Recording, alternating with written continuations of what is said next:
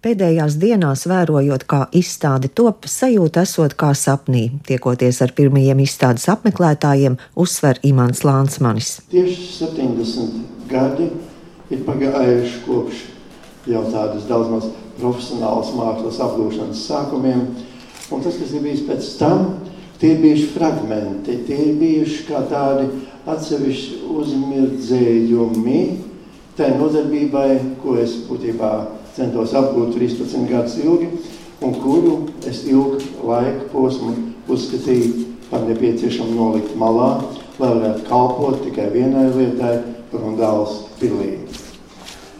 Un tāpēc, ieraugot visu to kopā, tas ir tiešām tā kā ieraudzīt savu dzīvi no kāda augsta kalna.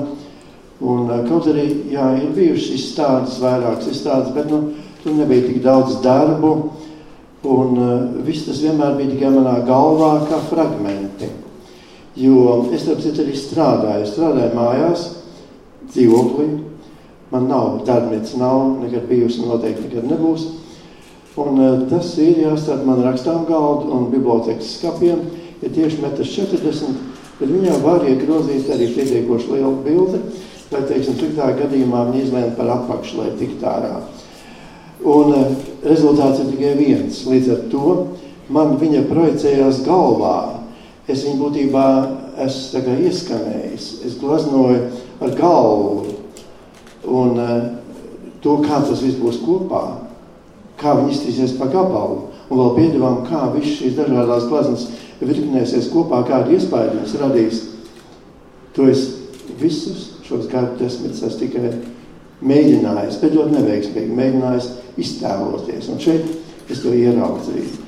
Imants Lansmaņa dzīvē glezniecība bijusi kaislība, ko daudzus gadus vajadzējis neganti apspiest. To normāliem māksliniekiem grūti iedomāties, par kādu apsēstību tā var kļūt, ja tas ir aizliegts, piebilst mākslinieks. Es esmu pateicīgs providencei, ka man sagādāja visas šīs kaislības kopā. Ja es būtu varējis glaznot visu mūžu tā kā no nu, profesionāls glaznotājs, man tas nebūtu kļuvis par to, par ko tas ir kļuvis. Un man tas nozīmē ļoti daudz sākot jau ar bērnību, jo bērnībā, jā, tas ir dīvaini, ka mazs bērns, kuram ir pieci gadi, tik ļoti var zināt, ko viņš grib un ko viņš absolūti negrib. Un tas, ko viņš absolūti negrib, šis bērns, šis mazais imantiņš, tas bija tā padoma realitāte apkārt, no kuras noliedz ik stundu, ik brīdi, ik minūti un sapratu, ka tas man ir pretīgi, riebīgi, un es meklēju vienīgo izēju, un šī izēja bija pagātne. Pagātne tāda, jā, kāda, kāda varēja atrast vecrīgā, kāda varēja atrast Rīgas domā, ko es atceros pirms slēgšanas 59. gadā. Ļoti labi tur es varēju sēdēt, un tur es biju mājās. Varbūt izklausīsies baigi, jā, es mājās biju arī lielajos kapos. Jo arī tā bija cita sfēra, tā bija zona, kurā nevarēja ielīst iekšā padomu īstenību, pat tad, ja viņi izpaudās kā šo kapu demolēšanu, bet tur bija tā cita pasaule.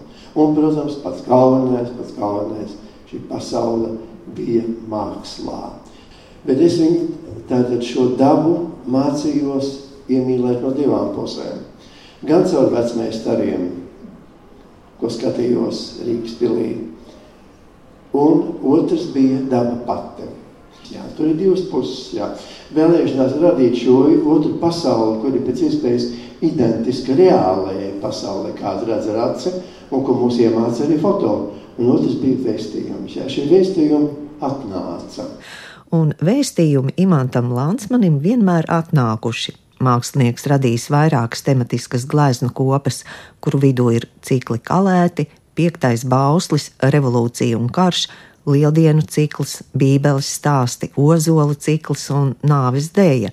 Saistībā ar pēdējo izstādē ir arī kāda intriga. Beigās tagad pie tās intrigas un pie aktuālā. Es nekad neesmu domājis, ka mākslinieks ir tā tāds, nu, cilvēks, kas atsaucās uz visu, kas ir apkārt, bet šoreiz nu, tā tas iznāca. Un uh, paši pēdējie darbi, no kuriem viens bija tik jāls, ka es gandrīz nezināju, kā es nevarēšu nolakot pirms sūtīšanas uz šejieni. Un tas saucās ļoti briesmīgi. Tas saucās tā.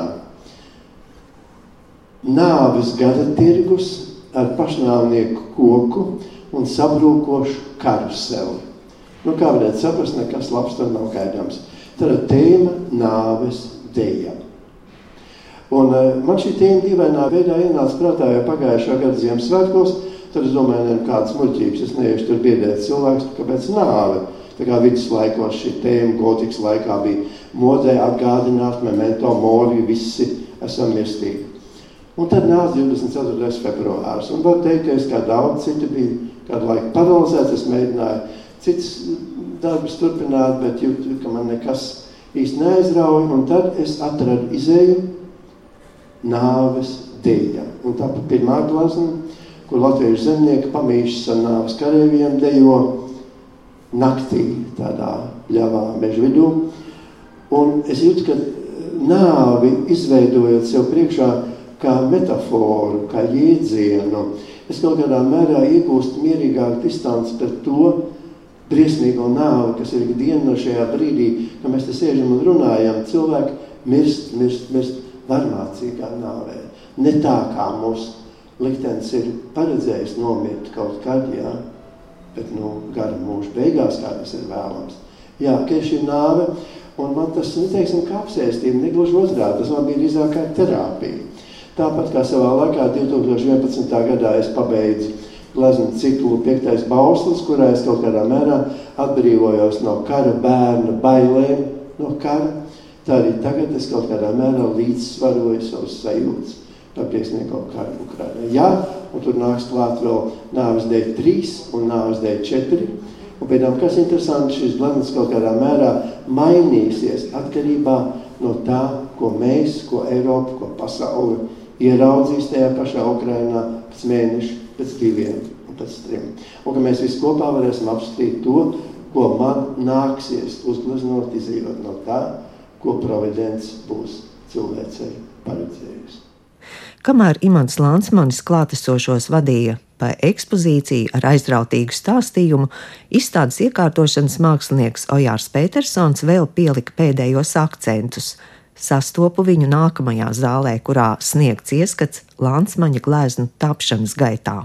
Es domāju, ka man iet ļoti viegli, jo atšķirībā no daudziem citiem māksliniekiem, Lansmans zina, ko viņš grib. Droši vien tā ir ilgā pieredze, un man atliek tikai uzklausīt, ko viņš pasaka, un tā censties cik necik, cik es spēju izpildīt.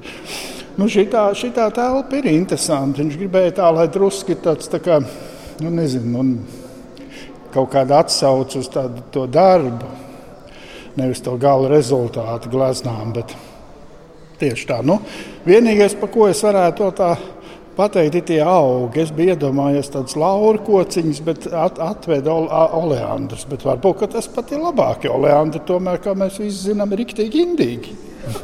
Tad nevar tā berzēties ilgi stāvēt. Es nu, iedošu kādam uzēst. Jau redzēs.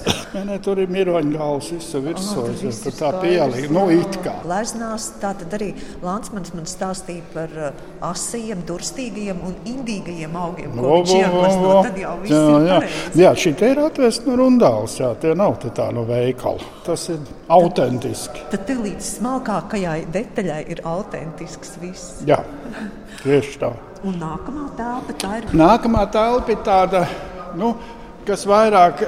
Tad, Viņš pats var būt tik ļoti vairāk, arī, kas arī pareizi. Viņš vairāk tā kā tāds glezniecības, vai ne? Bet nu, tomēr to rundāls lietu apiet īsti nevarēja. Un tad ir tāds mazliet tāds žests uz, uz tiem laikiem, kad ir bijis un, un, un grāmatas, ko viņš ir sarakstījis gan par rundālu, gan arī dažādas citas. Un, nu, jāsaka tā, ka kaut ko padarījis ir mūžā. Kaut ko padarījis, nav nevar teikt, ka neko nebūtu. Jā.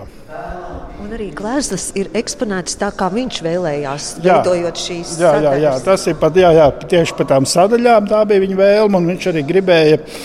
Nu, mums tur sākumā dažādas idejas pārspriedām, bet beigās palika pie tā pelēkā, lai tās gleznas izceļās. Un, lai, un to es gribētu varbūt arī tā Tas ir noteikti tāds skolotāja sindroms, bet arī skatītājiem pateikt, ka būtiskais ir gleznas. Tieši tāpēc viņas ir tā, lai viņam nu, nekas tāds centāmies, lai netraucē, lai tikai pievērsties tam gleznām, lai nav apkārt visādi dizainīgi izstrādājumi. Jā, jo gleznas ir pietiekuši krāsainas, košas. Tur ir ko paskatīties. Tur ir, tur ir vērts pievērst ilgāku laiku. Tas nav tā kā uzmet acu ne pie nākošās. Tur tomēr daudz ko var atrast. Un jums, Kas, uh, iekārtojot mākslinieka ekspozīciju, ir svarīgi ar viņu pārunāt, runāt, iepazīt, protams, saprast. Protams, es esmu vairāk kārt braucis pie imanta uz, uz rundālu, mēs tur par visu ko runājamies. Jo īstenībā es esmu tikai tāds, nu, tāds palīgs konsultants, vairāk tā. Jo viņam jau īstenībā pašam ir diezgan viss, nu, skaidrs, ko viņš grib. Tā, tur vienkārši tā kaut ko piepalīdzēt drusku. Nu, man arī rundāli ir tāda tuva, es esmu diezgan daudzas vasaras pavadījis strādājot restaurācijā. Nu, tā, tā kā arī tas vēl. Kultūras rondo klausītāji jau pavasarī kļuva par lieciniekiem tam, kā top imanta Lansmaņa izstāde. Toreiz mākslinieks minēja arī darbus, kas vēl iecerēti. Šobrīd tos redzu ekspozīcijā. Mēs kopš pavasara tagad tiešām neesam tikušies, bet es uzreiz ieraugu to, ko jūs man toreiz solījāt, ka būs izstādē. Un es uzreiz tieši to gleznu ieraugu. Nevēl mēs tagad stāvam pie ozola cikla. Jā, jā piecas gleznas, un pēc tam tas viss tapa tā pamazām. Sākumā viens ozols, un tad es domāju, nē, nē, tāds viens reāls ozols nav tik interesants. Un es viņam pielikšu klāt visas tās vīzijas, kādas man šķiet, ka es redzu. Iedomājieties, ko tas ozols gadsimta gaitā ir varējis ieraudzīt, un ka man liekas ļoti jauki apvienot šīs divas lietas. Un būtībā es ķēros klāt tēmai, kura pasaules mākslas vēsturē ir gandrīz pilnīgi neapstrādāts lauciņš. Un tie ir spoki, kas parādās gaišā dienas laikā. Tas tā var izklausīties tā komiski, bet izrādās pavisam nav viegli savienot to, kāda ir daba, ka mēs raugam ainā un tādu skaistu varenu koku, un kādi tad ir tie tēli, ko mēs tur uzprojicējam virsū. Un tā man bija tāda amizanta ņemšanās, ja mēs pieejam teiksim, šī te gleznotāja Salaspils kauja 605. gada 27. septembrī, kuru lietuviešu poļu un arī kurzemnieku armija sakāva Zviedrus. Un, kā jūs redzat, ozols ir pavisam reāls. Tas ir gan ne no Salaspils, tas ir Ceipu ozols no Ziemeļlatvijas. Un viņam priekšā lūk, ir tāda iedomu aina, kur daļēji ir materializējušies. Kresā pusē ir poļu lietuvieši ar Lietuvas lielhetmanu Jānu Hotkeviču, un labajā pusē ir mūsu paši kurzem zemgals hercogs Fridriks, kurš tiešām bija pārcēlies pāri Daugavai ar savu kavalēriju un piedalījās Zviedru sagraušanā. Un, kā redzat, viena daļa no viņiem, šiem spociņiem, ir tāda puscaurspīdīgi, citi mazliet vairāk saskatām.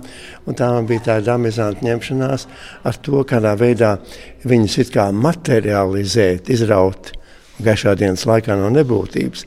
Un tajā pašā laikā tomēr likt manīt to, ka no tie nav gluži reāli cilvēki un mūsu laika biedri. Un tā bija tāda interesanta spēle ar tādu izzūdošo un vietām tādu sabiezināto, teiksim, šeit Otkeviča galva ir labi saskatāma, un citiem jau spīd cauri viss tā aizmugures daba. Un vēl piedevām te ir tāds, ja tā varētu teikt, simbols, ko cilvēki varbūt pamanīs, varbūt nē. Ja viņi ieskatītos tajos augos, kas ir priekšā, viņi aptvertu, viņus apvieno viena lieta. Viņi ir vai nu durstīgi, kā daži, vai indīgi. Tie ir Latvijas indīgākie augi salikt kopā. Un šajā ozola ciklā šis ir pirmais uh, darbs. Nu, tur nav īsti ne pirmais, ne otrais. Ir doma tikai tāda, ka divi ozoli ir reāli, tādi kā mēs viņus ieraugām mūsdienās, kopā ar laika biedriem. Un viens no laika biedriem esmu tur es pats, mans pašportrets. Divi ir šiem pagātnes tēliem, šiem caurspīdīgajām vīzijām, un savukārt vidū Es pašā beigās pievienoju vienu gleznu, kas būtībā ir palielināta veca fotografija. Jo ozols, kas tur redzams, vairs nepastāv. Tas ir Latvijas vissenākais ozols, Tūteres ozols, kas savā laikā bija netālu no Masalats, un eh, viņš jau pēc kara aizgāja bojā, viņa saspēra zibens. Un līdz ar to ir paņemta fotografija, milzīgi palielināta, un viņš arī centrā tas arī ir bijis tas Latvijas ozola patriārhs. Un tagad savukārt es stāvu pie Latvijas šobrīd vecākā ozola. Un tas ir sējas mūžā, ne ļoti tālu no Rīgas. Un kā lielais speciālists Gunts Eniņš teica, tam ir apmēram 500 gadu. Un šobrīd tas ir um, vecākais no visiem. Jūs pavasarī teicāt, ka taps vēl kādas ainavas. Varbūt mēs varam aiziet ekspozīcijā. Jā, jā, jā, jā. Un man to ainavu būtu pavisam maz, ja es nebūtu tieši, es pat teikšu, purvīšu atklāšanas izstādes atklāšanas iespējā. Es domāju, nu, ja jau purvīts visu mūžu gleznojas tikai ainavas, nu, tad jau diezgan tā neiedzīgi, ja man to ainavu tik ļoti, ļoti maz. Un jāsasparojās, un tādējādi tappa četras ainavas, četras zemgals ainavas. Tas ir tāds cikls, ko es gribētu labprāt arī papildināt un paplašināt. Jo pirmā doma man bija dažādi gadu laiki, bet man neizdevās uztaisīt rudeni, kā redzēt, te ir trīs vasaras, dažādās stādījās, un ziema. Jā, zemgale, kura man saist, saist no bērnības, jo vasarās mēs ar māsu braucam pie vecmāmiņas zemgalē, un līdz ar to zemgales tālais horizonts man ir kaut kas tāds fascinējošs. Man patīk tā vieta, kur debesis sabrauc kopā ar zemi, kur ir viena taisna horizonta līnija. Tas ir viena ainava pa ceļam, no Rundāls uz Jālgavu, kaut kur pie Jānsvira laukas. Un, uh, tas ir savukārt pretējā virzienā no Rundāls. Tā ir viena no Rundāls kādreizējām piemuižām virsīte. Un šeit izrādās, ka tie ozoli, kā teica kolēģis Arvis Druviņš, jau ir Lietuva. Es to nemaz nezināju. Bet viss kopā faktiski ir viens milzīgs, milzīgs kviešu lauks, jā, auglīgā zemgales stepe. Gleznotājs Imants Lansmanis ar aizrautīgiem stāstiem turpina vadīt pa ekspozīciju un no portretu galerijas ielūkojamies Bībeles stāstos un ciklā nāves dēja. Tur arī divi tukši rāmji, kas tiks aizpildīti un skatītājiem būs redzami izstādes noslēdzošajā mēnesī februārī.